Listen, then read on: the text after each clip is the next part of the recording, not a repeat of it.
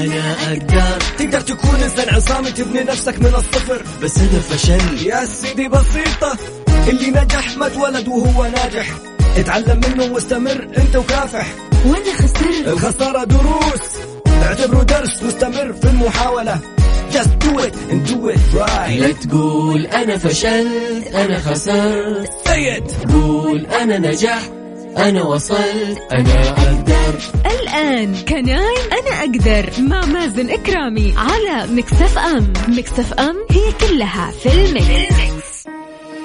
حياكم الله مستمعينا الكرام واهلا وسهلا في الجميع في حلقة جديدة ومتجددة من برنامج Can I معكم أخوكم مازن كرامي. هنالك كثير من الطاقات الشابة التي أسهمت وبشكل واضح في تغيير وتطوير الشبكة العنكبوتية. ومن خلال العشر سنوات الماضية ظهرت كثير من التطورات التقنية التي أسهمت بشكل كبير في تغيير حياة الملايين من البشر. وإن أغلب من يقف وراء هذه المنتجات هم من الشباب الذين لم يصل بعضهم إلى عمر الثلاثين. فمع تطور الإنترنت ووسائل الاتصال الحديثة وظهور الهواتف الذكية ومواقع التواصل الاجتماعي فتحت آفاق وأسواق جديدة لمنتجات وتقنيات أسهمت في تغيير عاداتنا اليومية وطرق تواصلنا مع من حولنا وحتى من يبعد آلاف الكيلومترات عنا.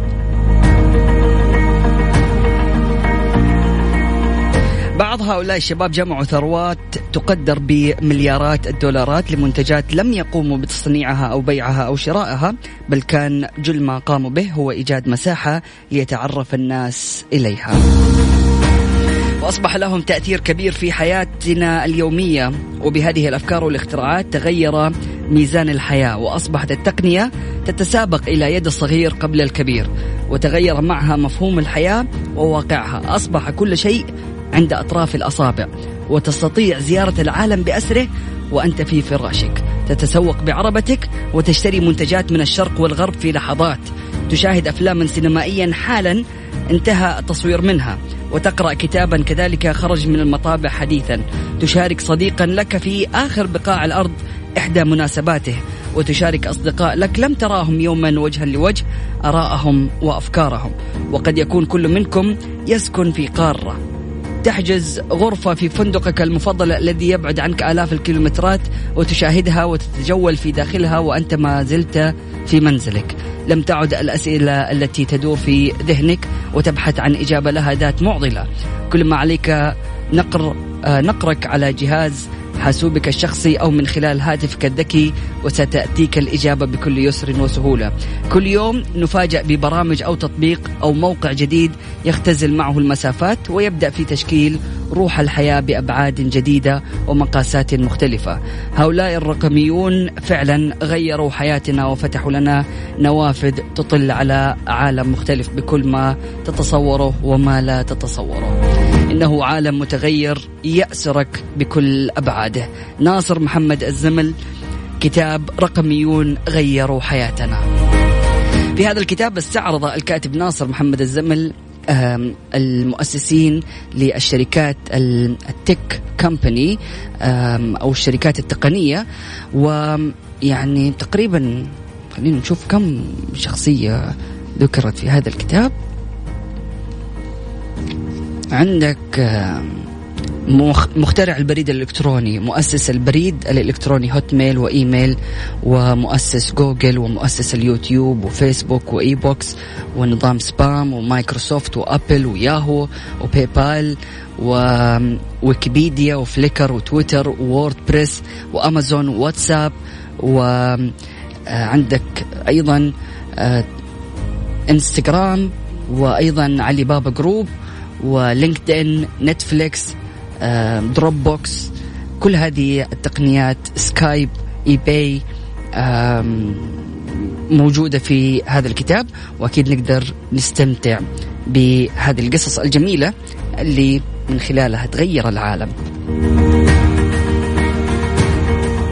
سمعنا كرام أكيد في حلقتنا لليوم. راح نناقش معكم كتاب رقميون غيروا حياتنا للكاتب ناصر محمد الزمن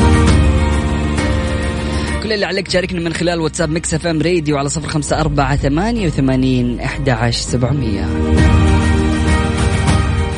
Can I أنا أقدر مع مازن كرامي على Mix F M. Mix FM هي كلها في ال mix. حياكم الله مستمعينا الكرام واهلا وسهلا في الجميع. مساءكم سعيد.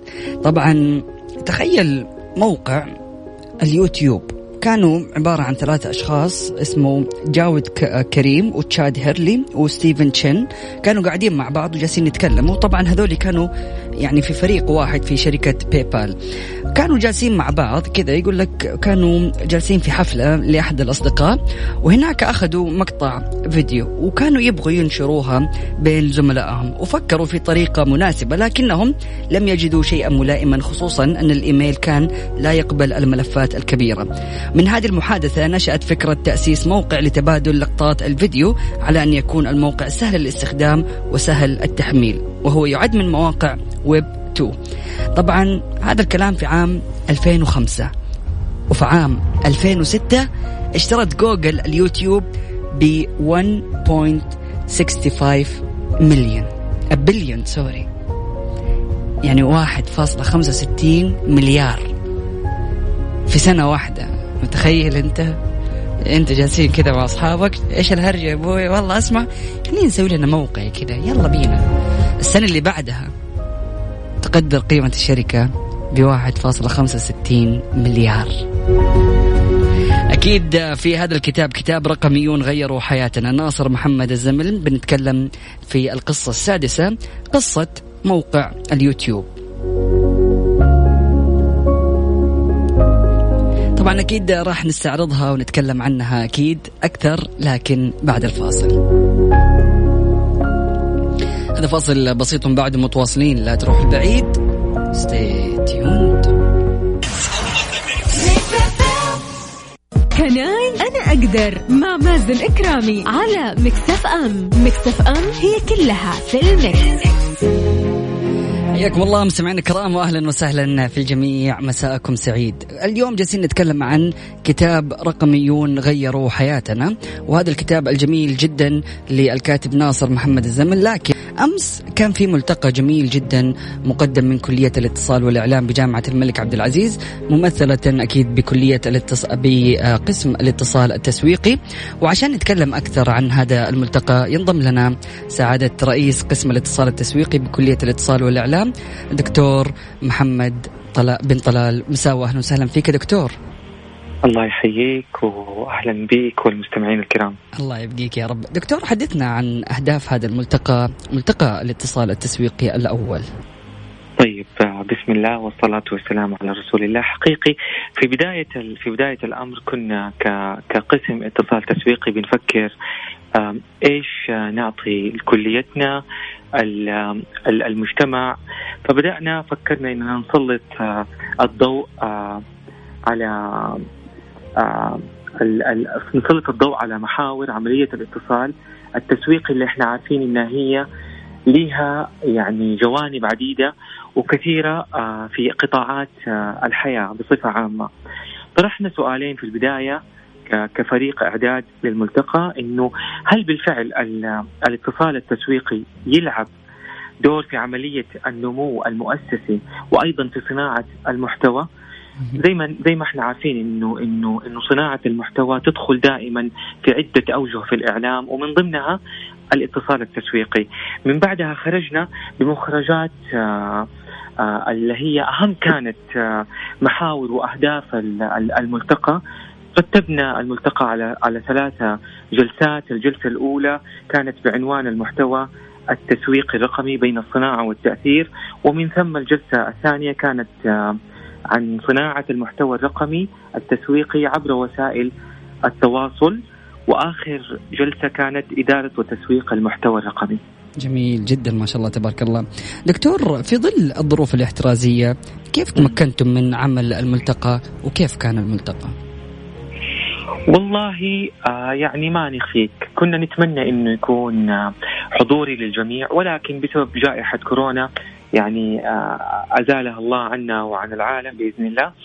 تم تفعيل ال ال منصة ال Blackboard أرسلنا أرسلنا الرابط لجميع أعضاء هيئة التدريس للطلاب لكل المهتمين بالملتقى.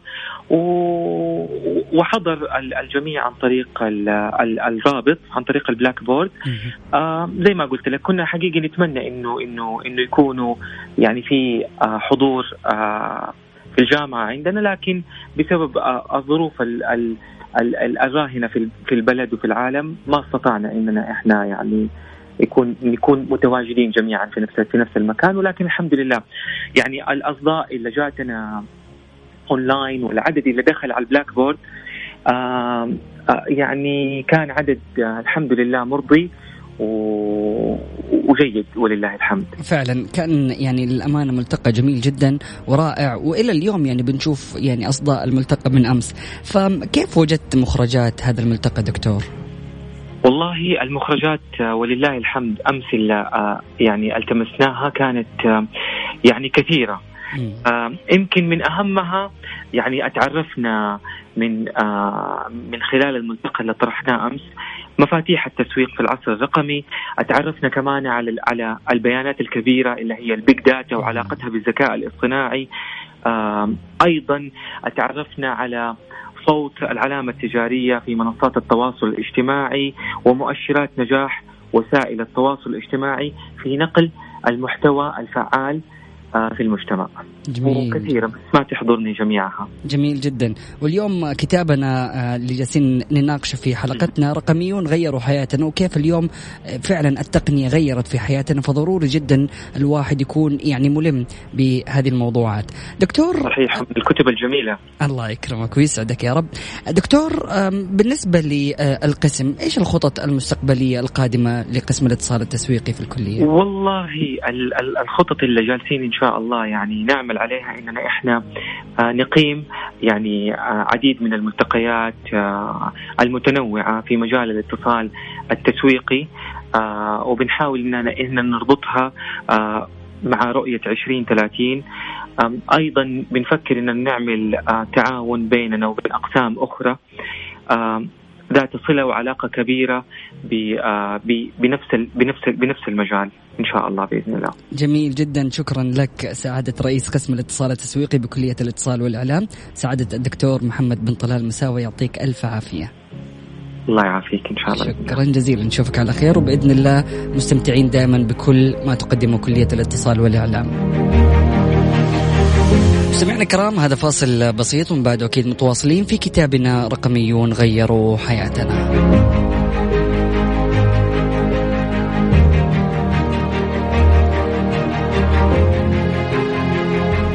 فاصل مستمرين لا تروح البعيد stay tuned